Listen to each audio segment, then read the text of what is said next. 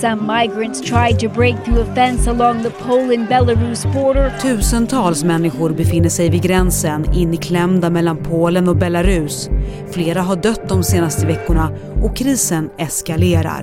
We don't have uh, water, don't have food. Men varför vill inte Polen ha någon EU-hjälp?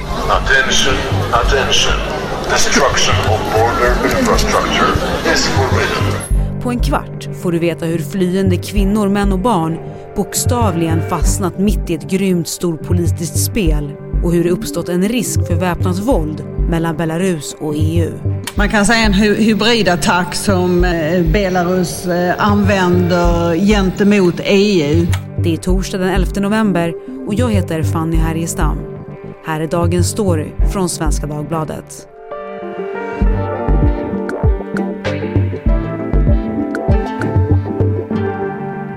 Teresa Küchler, SVDs Brysselkorrespondent. Du följer utvecklingen vid gränsen och den politiska utvecklingen runt allt det som händer nu. Tusentals människor eh, rapporteras det om eh, inklämda mellan Polen och Belarus. Vilka är de här människorna som är nu vid gränsen?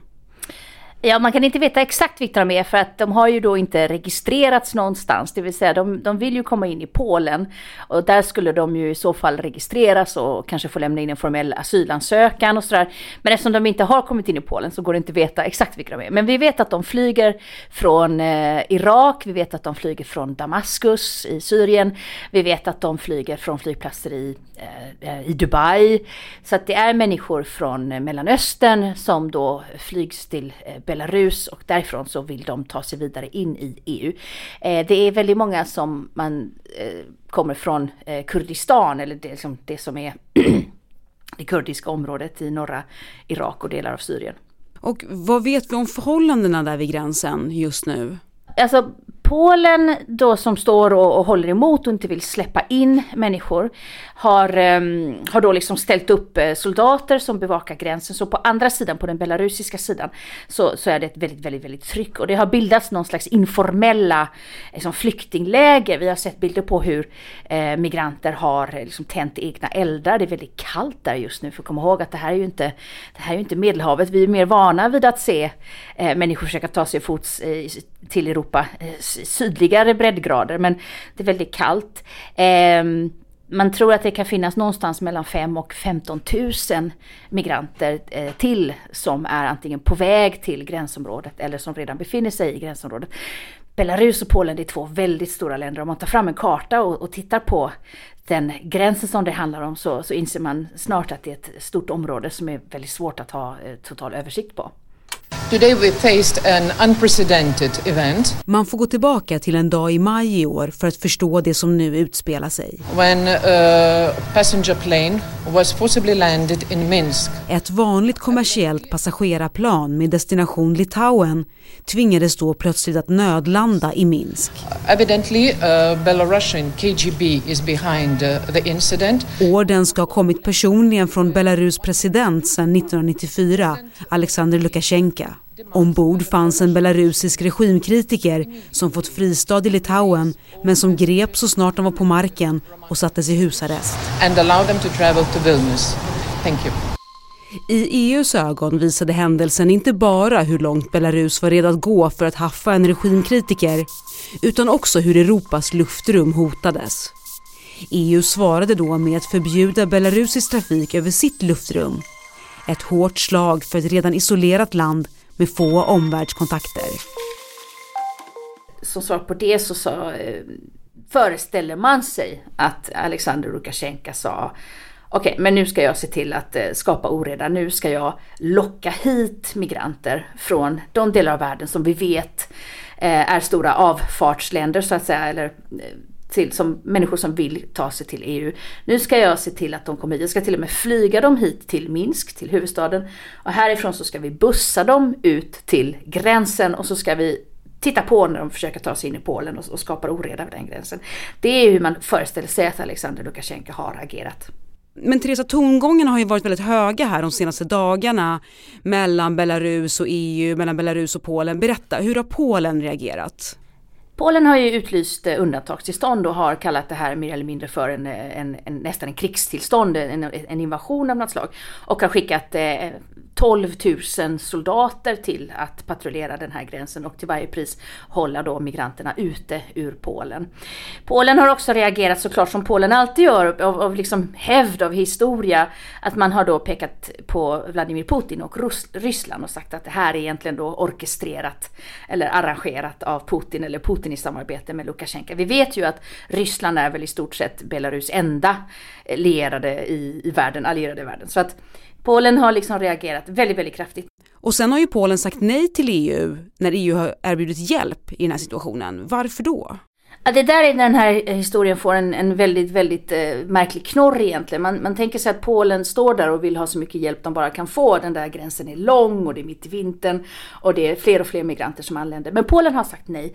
Polen är ett av de länder som mest hårdnackat säger nej till ett gemensamt eh, migrantmottagningssystem eller asylsystem i Europa. Polen är ett av de länder som har vägrat att ha någon så mekanism som delar upp asylsökande mellan de olika länderna. Polen har sagt nej, vi sköter våra gränser och vi sköter vår migration och vi kan inte påtvingas migranter genom någon slags fördelning från andra EU-länder. Vi vill absolut inte ha med det att göra.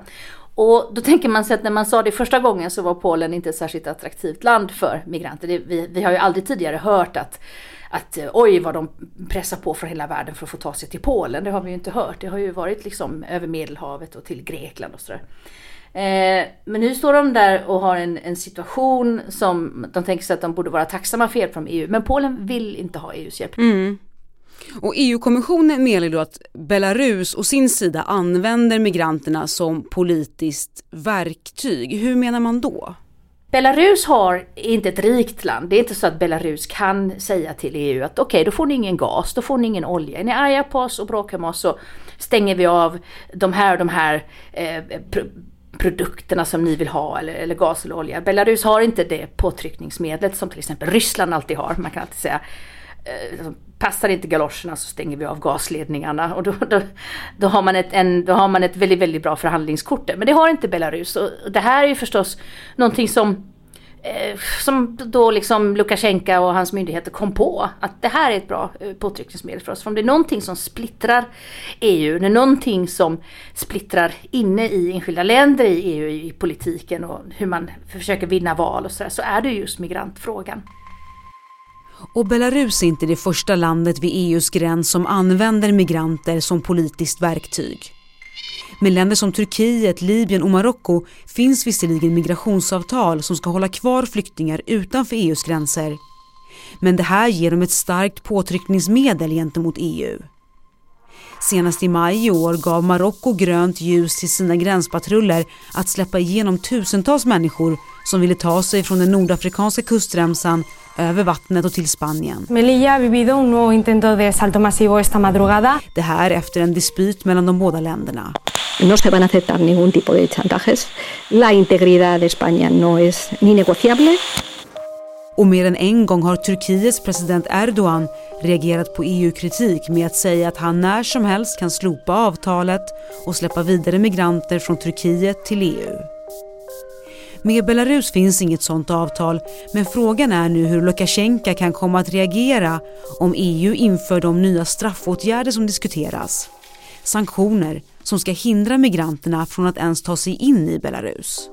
En ny slags sanktion som man diskuterar nu det är att titta på de flygbolag som flyger de här migranterna från flygplatser i Dubai som sagt, i Syrien, Irak till Minsk. Det gäller ett flygbolag som heter Fly Dubai, det gäller ett litet syriskt flygbolag, men det gäller också Turkish Airlines som är en av de absolut största flygbolagen i världen och till och med Aeroflot, Rysslands stora flygbolag.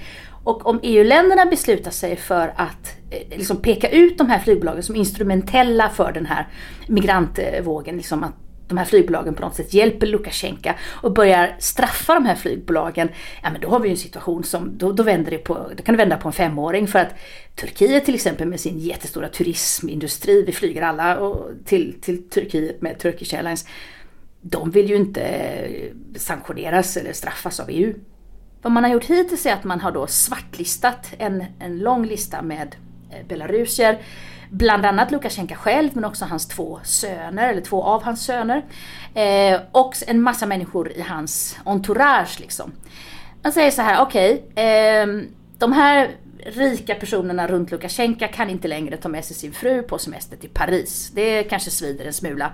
Men, men inte, inte så mycket trots allt. Då kan han väl åka, då kan, får de åka till Dubai istället. Men de får inte inresetillstånd till Paris. Vad som däremot svider det är ju om den här personen har gömt sina pengar på banker i, i EU och inte längre kan komma åt dem. Eller om de närmaste personerna i Lukasjenkos närhet, om det är affärsmän som har anledning att resa på affärsresor till EU. Så att de kan bita de där sanktionerna. Vad man däremot inte gör den här gången, som man gjort med andra länder som man har varit i konflikt med, man inför inte ekonomiska sanktioner. Som sagt, Belarus har inte jättestor export och import och den lilla exporten och importen de har, den vill man hålla flytande därför att det, det drabbar befolkningen så mycket om man straffar eh, Belarus ekonomiskt. Och vi importerar faktiskt en del grejer vi behöver från Belarus, bland annat olika bekämpningsmedel till vårt eh, jordbruk. Så man, ekonomin eh, rullar som vanligt. Så Lukasjenko då, Teresa, mm. vad vill han? Han vill väl klamra sig fast vid makten eh, till varje pris tror jag. Men Lukasjenko har ju suttit i eh, en, väldigt, väldigt, väldigt lång tid som, som, eh, som kungar eller diktatorer för, förr i världen, vill jag på att säga. Eh, och för ett år sedan ungefär så, så hölls ett val där han då vann en sån där förkrossande seger som ingen trodde på. Det var ju EU gick ju ut direkt och sa att det här valresultatet tror inte vi på, vi tror att det var riggat. Och då startade de här demokratidemonstrationerna, det var också ungefär ett år sedan och det var då vi såg att, att eh, Lukasjenkos soldater och, och poliser misshandlade demonstranter.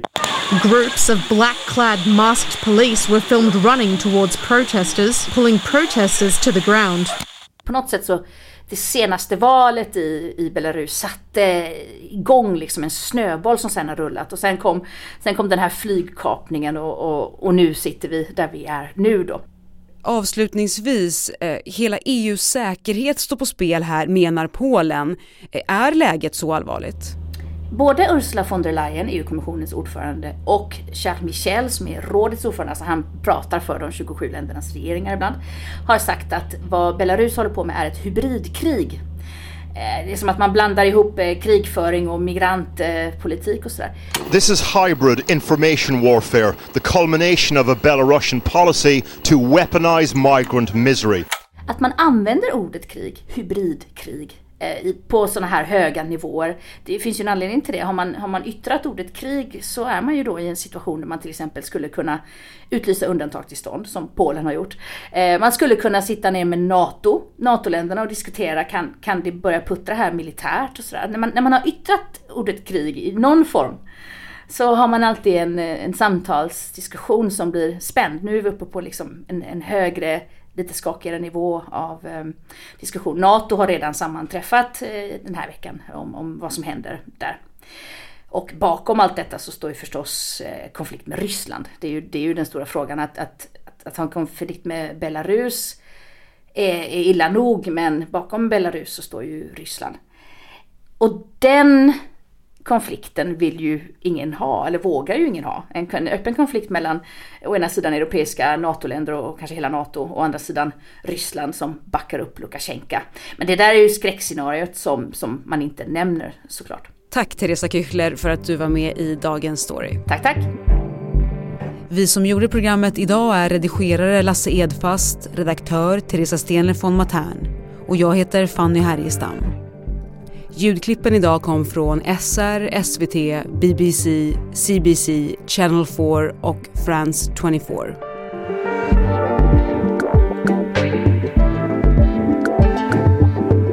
Du har lyssnat på Dagens Story från Svenska Dagbladet. Vill du kontakta oss så mejla till dagensstory.svd.se.